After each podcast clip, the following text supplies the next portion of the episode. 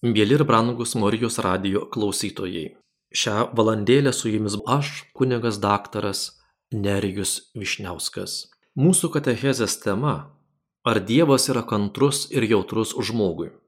Šventajame rašte apie Dievo kantrumą randame parašyta daugybėje vietų. Štai keletas iš jų. Psalmis sako, štai tu viešpatie, esi užjaučiantis ir maloningas Dievas kantrus ir kupinas gailestingumo bei tiesos. Apaštalas Paulius laiškuose romiečiams, kurintiečiams, galatams, tesalonikiečiams rašo. Džiaukitės viltimi, būkite kantrus išmėginimuose, nepaliaujamai melskitės. Meilė kantri ir maloni. Meilė nepavydi. Meilė nesigiria ir neišpuiksta. Dvasios vaisiai yra meilė, džiaugsmas, ramybė, kantrybė, malonumas, gerumas, ištikimybė. Viešpats telenkia jūsų širdis į Dievo meilę ir Kristaus ramybę. Kadangi tu išlaikiai mano kantrybę žodį, tai ir aš tave apsaugosiu nuo išbandymo valandos, kuri ištiks visą pasaulį, kad būtų išmėginti žemės gyventojai. Apie Dievo jautrumo žmogų šventajame rašte randame taip parašyta. Pradžios knygoje skaitome.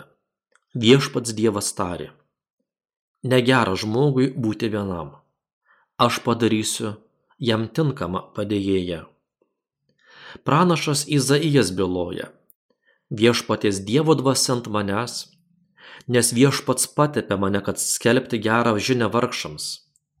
Jis siuntė mane gydyti tų, kurių širdį sudužusios, skelbti belaisvėms išlaisvinimą ir kaliniams atidaryti kalėjimą.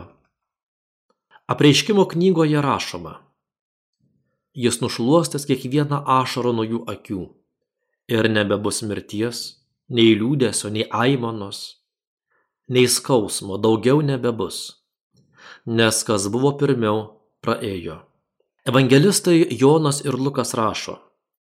Vagis ateina tik vokti, žudyti ir naikinti. Aš atėjau kad žmonės turėtų gyvenimą, kad apščiai jo turėtų.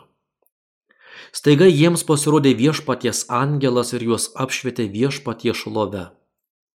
Jie labai išsigando, bet angelas jiems tarė. Nebijokite, štai skelbiu jums didį džiaugsmą, kuris bus visai tautai. Šiandien Dovido mieste jums gimė gelbėtojas. Jis yra viešpats Kristus liturginiame maldyne rašoma, kad vienas iš dvylikos šventosios dvasios vaisių yra kantrumas. Mėly ir brangus Marijos radio klausytojai. Vakar šventėme verbų sekmadienį. Minėjome Jėzaus įžengimą į Jeruzalę. Prasidėjo didžioji savaitė. Jos dienomis eisime pėda pėdon paskui Kristų jo kančios, mirties ir prisikėlimo keliu.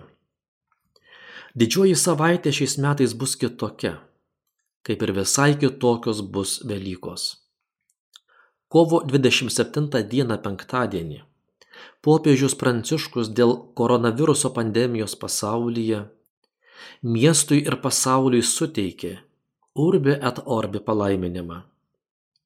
Turbūt per du tūkstančius metų Vatikanas niekada nebuvo toks tuščias o popiežius toks vienišas, kaip tą vakarą. Šiandien Evangelijoje girdime, kaip belikus šešioms dienoms iki Velykų. Jėzus ateina į Betaniją, kur gyvena jo prikeltasis iš numirusių lozorius. Ten buvo jam iškeltos vaišės. Jėzui iki jo nukryžiavimo lieka mažiau nei savaitė. Viešpa žinodamas, kas jo laukia kad jį netrukus išduos mokiniai, turbūt išgyvena tą pačią vienatvę ir tuštumą, kokią patyrėme ir mes žvelgdami į tuščią Šventojo Petro aikštę ir vienišą popiežių. Kažkas yra pasakęs, kad du dalykai, kuriuos mes gyvenime turėjome ir turėsime išgyventi vienui vieni, tai mūsų gimimas ir mūsų visų laukianti mirtis. Karantino laikotarpiu daugumą žmonių taip ir galime pasijusti, vienui vieni, jei gyvenime gyvename tik savo, jei nesuspėjome įgyti draugų ir bičiulių, kurie būtų buvę šviesa pandemijos nakties tamsoje.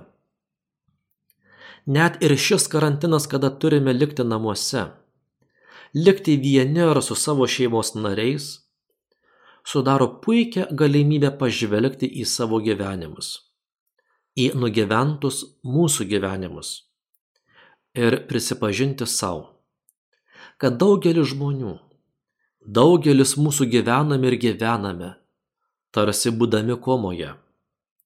Tai yra gyvename tokius gyvenimus, kurių nenorėjome ir apsimesdami, kad nematome, kas iš tikrųjų vyksta aplinkui, kaip kenčia šalia esantis mūsų broliai ir seserys. Nelaimės, mirties, pandemijos akivaizdoje mes taiga suvokiame, kad gyvename skolon, kad laikas tik buvo paskolintas ir skolinimo agentūra pareikalauja atlygio būtent tuo metu, kai esame mažiausiai pasiruošę sumokėti ir prireikia pasiskolinti dar daugiau laiko. Kai Dievas, investavęs į mus, į mūsų gyvenimo dienas pareikalauja viską sugražinti su kaupu ir duoti apyskaitą tada, kai mažiausiai to laukiame ir tikėjomės. Žmogaus gyvenimo talismanai turi būti du - alkis ir baimė. Jie turi mus sergėti sakydami, tokia daugybė žmonių anksčiau už tave pasinaudojo proga ir sulaukė atpildo. Kodėl tu nesugebi šito? Arba tokia daugybė žmonių nesiryžo. Kodėl turėtum nesudvėjoti ir tu ir nieko nepasiekti? Pereiti per gyvenimo likus tik vidutinybė. Vokiečių teologas Hansas Georgas Vinčas teigia, kad taip, Dievas visgi yra jautrus žmonių, tai yra visų mūsų silpnybėms, mūsų gyvenimams, net jei jie yra netokie, kokius norėtų matyti Dievas. Kaip jam gaila žmonių, kaip jis bando juos pataisyti ir atvesti į doros kelią iš klystkelių. Matome pažvelgia į visą Izraelio tautos istoriją. Galiausiai Dievo meilė, jautrumas ir rūpestis žmogumi atsiskleidžia jo sūnuje Jėzuje Kristuje, kurį Dievas atsiunčia gelbėti žmonijos koks Dievas yra kantrus ir jautrus savo atvaizdui žmogui, pasirodo jau žmonijos istorijos pradžioje. Adomui ir Ievai padarius pirmąją nuodėmę, Dievas jų nesunaikina ir naujo žmonių poros nesukuria. Tačiau pirmųjų tėvų maišto prieš jį Dievas taip paprastai nepalieka. Dievas nepasako, nieko tokio, viskas gerai, darykite, kalbėkite, ką norite. Ne. Mes turime atsakyti už savo veiksmus ir žodžius. Todėl Dievas, būdamas teisingas, negali palikti nuodėmės nenubaustos. Adomas ir Ieva turi pajusti pačių padaryto blogio pasiekmes. Tačiau Dievo paskeltas nuosprendis tuo pačiu metu yra ir netikėtas Dievo gailestingumo paskelbimas. Aš sukelsiu priešiškumo tarp tavęs, žalčių ir moters. Tarp tavo paliekonio ir jos paliekonio. Jis trupins tau galvą, o tu kirsi jam į kulinį. Kaip teigia minėtas vokiečių teologas, nors dar labai miglotai ir bendrai, tačiau jau vienareikšmiškai Dievas paskelbė išeiti iš nuodėmės problemos. Ateis diena kada moteriškės palikuonis užmuš žaltį, o žaltys jį mirtinai sužeis. Tai užuomena apie Kristų ir jo pergalę prieš velnio galybę. Ta pergalę Kristus pasiekė mirtimi ant kryžiaus. Atleidimas buvo siūlomas jau ir Senojo testamento laikais. Išganimo istorijos kontekste buvo kalbama ir apie tai, kad Izraelio tauta gali nusidėti ir susilaukti Dievo bausmės. Bet jeigu žmonės atsivers ir atgailaus, Dievas jiems vėl bus maloningas. Kiek daug savo kantrybės Dievas parodė Izraelio tautai Senajame testamente, rodo begalė pavyzdžių.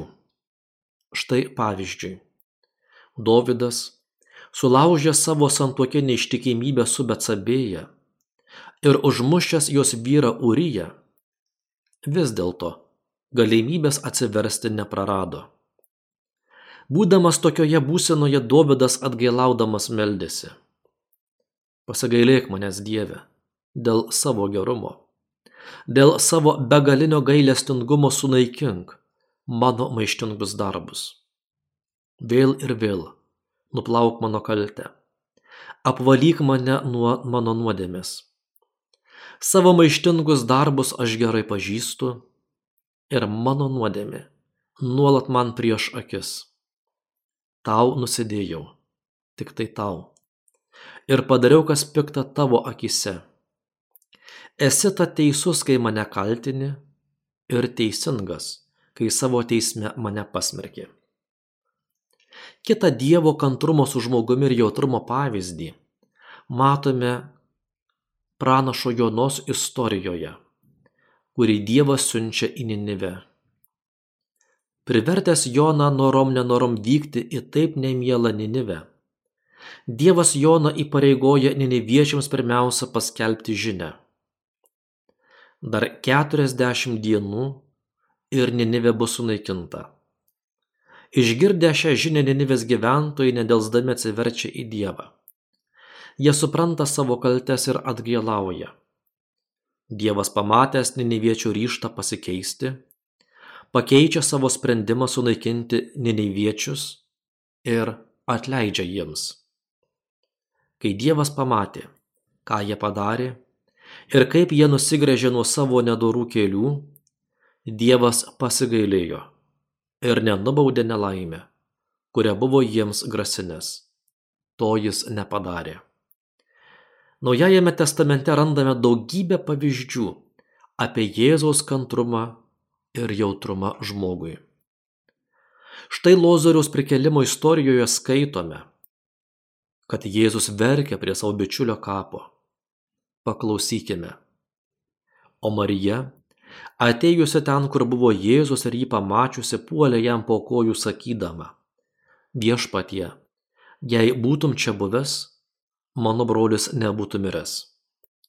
Pamatęs ją verkiančią ir kartu atėjusius žydus verkiančius, Jėzus labai susigaudino ir susijaudinęs paklausė, kur jį palaidojote?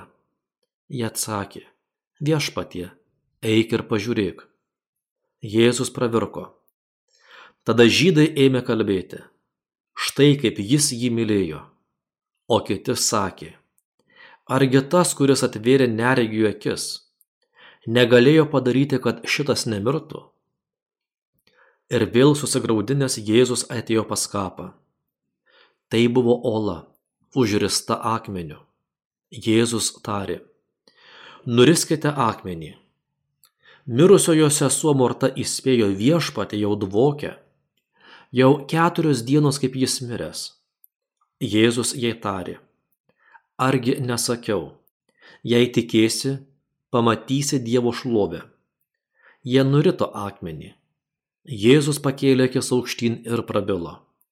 Tėve, dėkoju tau, kad mane išklausai. Aš žinojau, kad visuomet mane išklausai. Tačiau tai sakau dėl čia esančiųjų, kad jie įtikėtų, jog tu esi mane siuntęs. Tai pasakęs jis galingų balsu sušuko lozoriau išeik. Ir numirėlis išėjo iš kapo. Jo rankos ir kojos dar buvo suvystytos aprišalais, o veidas apviniotas drobulė. Jėzus jiems įsakė, atraišiokite jį ir leiskite jam eiti.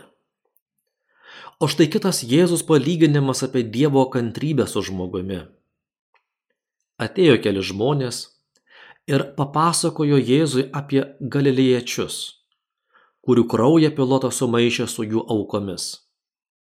Tada Jėzus pasakė jiems, ar manote, kad tie galilėjiečiai buvo didesni nusidėjėliai už visus kitus galilėjiečius ir todėl taip nukentėjo? Anaip tol sakau jums, bet jei neatsiversite, visi taip pražūsite. Arba anie 18, kuriuos užgriuvo bokštas prie Siloamo tvenkinių ir užmušė Jūs manote, kad jie buvo kaltesni už visus kitus Jeruzalės gyventojus? Ne, sakau jums. Bet jei neatsiversite, visi taip pat pražūsite. Jėzus pasakė palyginimą. Vienas žmogus turėjo savo vinogynę pasisodinęs figmedį. Kartą jis atėjo pažiūrėti jame vaisių, bet nerado.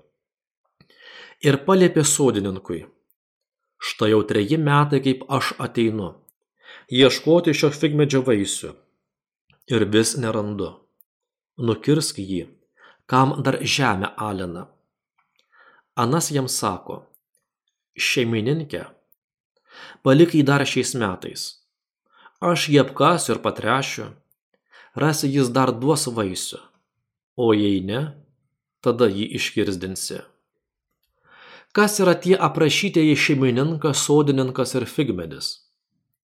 Šeimininkas yra Dievas. Figmedis tai žmogus. Tu ir aš. Ir Dievo žmogaus šeimininkas ateina ieškoti vaisių iš mūsų gyvenimo. Jėzus yra tas, kuris mus užtarė tėvui. Net jei mūsų gyvenimo jau eilė metų nebeneša vaisių ir alina žemę ši istorija mums sako kad ten kur žmogus nedvejodamas neštųsi kirvį dievas nešasi kantrybę ir laukimą čia norėčiau prisiminti kovo 27 dieną penktadienį popiežiaus pranciškaus dėl koronaviruso pandemijos pasaulyje pasakytą homiliją popiežius kalbėjo atrodo kad jau ištisas savaitės tęsiasi vakaras. Tirštos sutemos dengia mūsų aikštes, gatves ir miestus. Jos užvaldė mūsų gyvenimus ir viską pripildė spengiančios tylos ir slegiančios tuštumos, kuri viską stingdo. Jaučiame ją ore, matome žmonių gestuose ir žvilgsniuose. Esame išsigandę ir pasimetę kaip mokinius Evangelijoje, ir mus taiga užklupo nelaukta šėlstanti audra. Supratome, kad visi plaukiame vieną valtimi, esame pažeidžiami ir sutrikę. Tačiau tuo pat metu svarbus ir reikalingi. Visi turime irkluoti kartu, vieni kitus guosti. Visi esame šioje valtyje, kaip anie mokiniai kurie išsigandę vienu balsu šaukė žūvame. Taip ir mes supratome, kad negalime kiekvienas eiti kas savo, bet turime eiti visi kartu. Audra nuplėšia kaukę, atidengia mūsų pažeidžiamumą, apnuogina mūsų netikrą ir paviršutinišką saugumą, su kuriuo kūrėme savo planus, projektus, santykius, ir prioritetus. Parodo, kai buvome užmigę ir palikę tai, kas mus maitina, palaiko, kas duoda mūsų gyvenimui jėgų ir mūsų bendruomeniai taip pat. Audra iškelia dienos šviesą visas mūsų pastangas. Paslėpti ir užmiršti tai, kas maitino mūsų tautų sielą. Visus bandymus save nuskausminti, tariamai išganingais būdais nenoras sugrįžti prie savo šaknų ir semtis protėvių išminties. O tai iš mūsų atėmė atsparumą. Reikalinga, kad ištvertume negandas. Audros metu nukrito grimas visi stereotipai, kuriais dangstėme savąjį ego, baimindamiesi dėl savo įvaizdžio. Dar kartą buvo atidengta ta palaiminta mūsų visų priklausomybė nuo kurios neįmanoma pabėgti. Mūsų, kaip brolių ir seserų savitarpio priklausomybė. Šiame pasaulyje, kurį tu labiau myli už mus, mes visų greičių skubėjome pirmin, jausdamėsi galingi ir visagaliai. Trokšdami naudos leidome, kad mus pavergtų daiktai ir svaigintų greitis. Nekreipėme dėmesio į tavo įspėjimus, nesustojame matydami karus ir pasaulinio masto neteisingumą.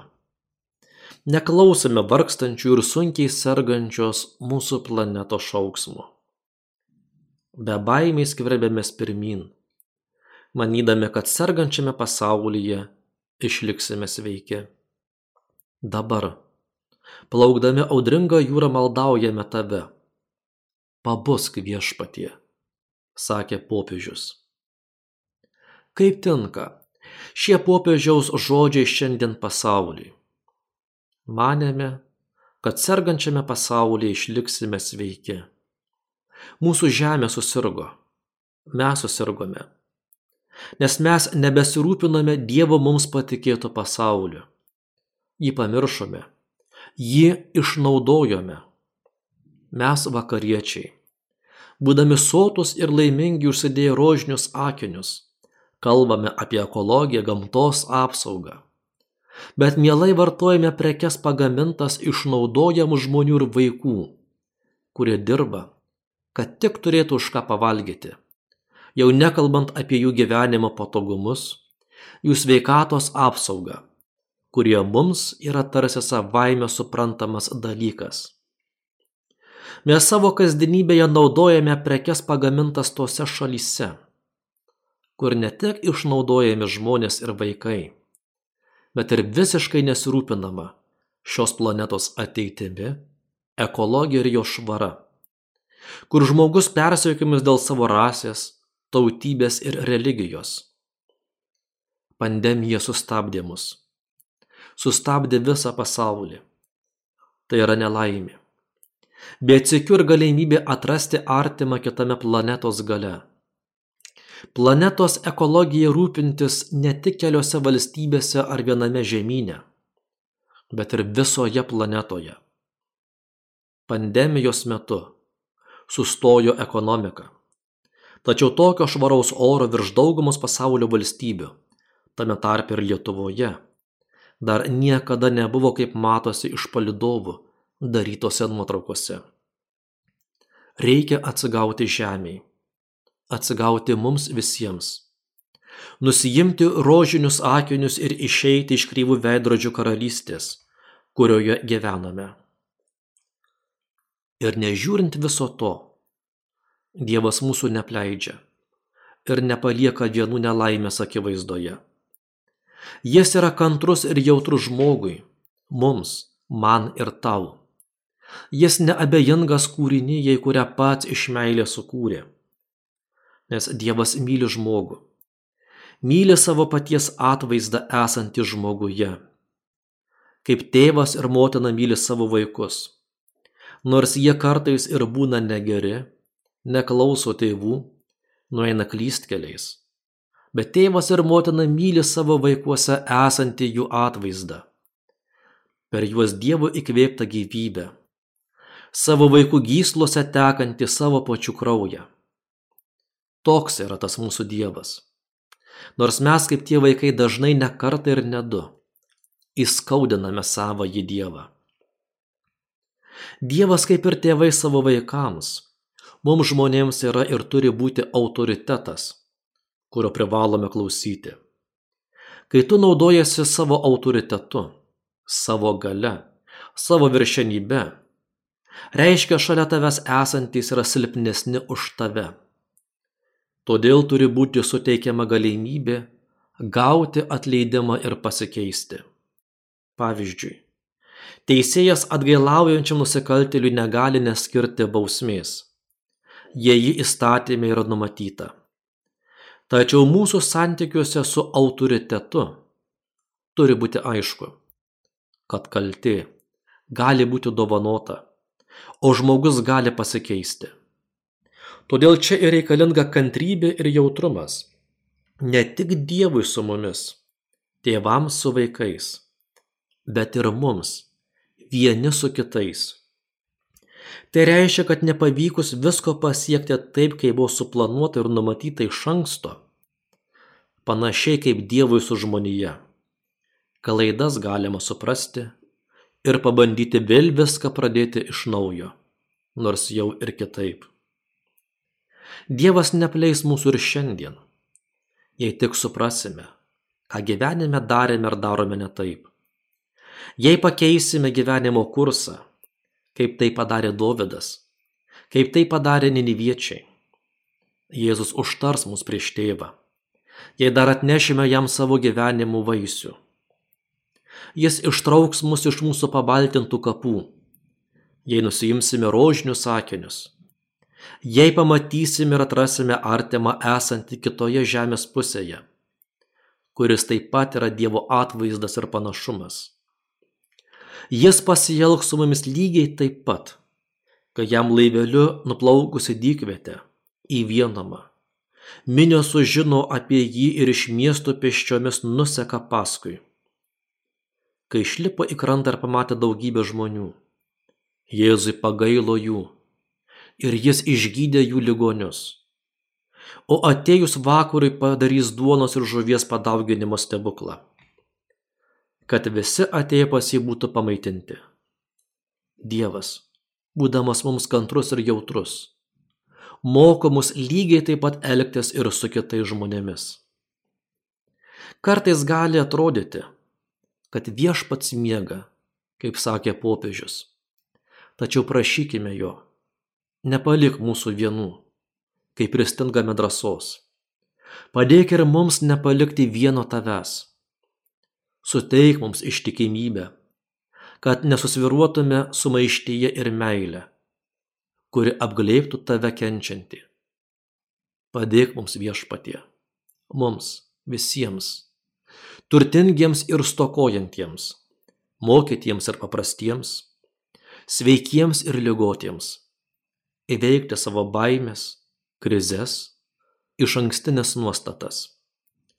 Ir tau paskirti savo gebėjimus, savo širdį, savo laiką. Įdant puoselėtume sodą, kuriame gali įvykti tavo prisikelimas. Mėly Marijos radio klausytojai, šią valandėlę su jumis buvau aš ir katechezę pravedžiau kunigas daktaras Nerijus Vyšniauskas. Garbė Jėzui Kristui.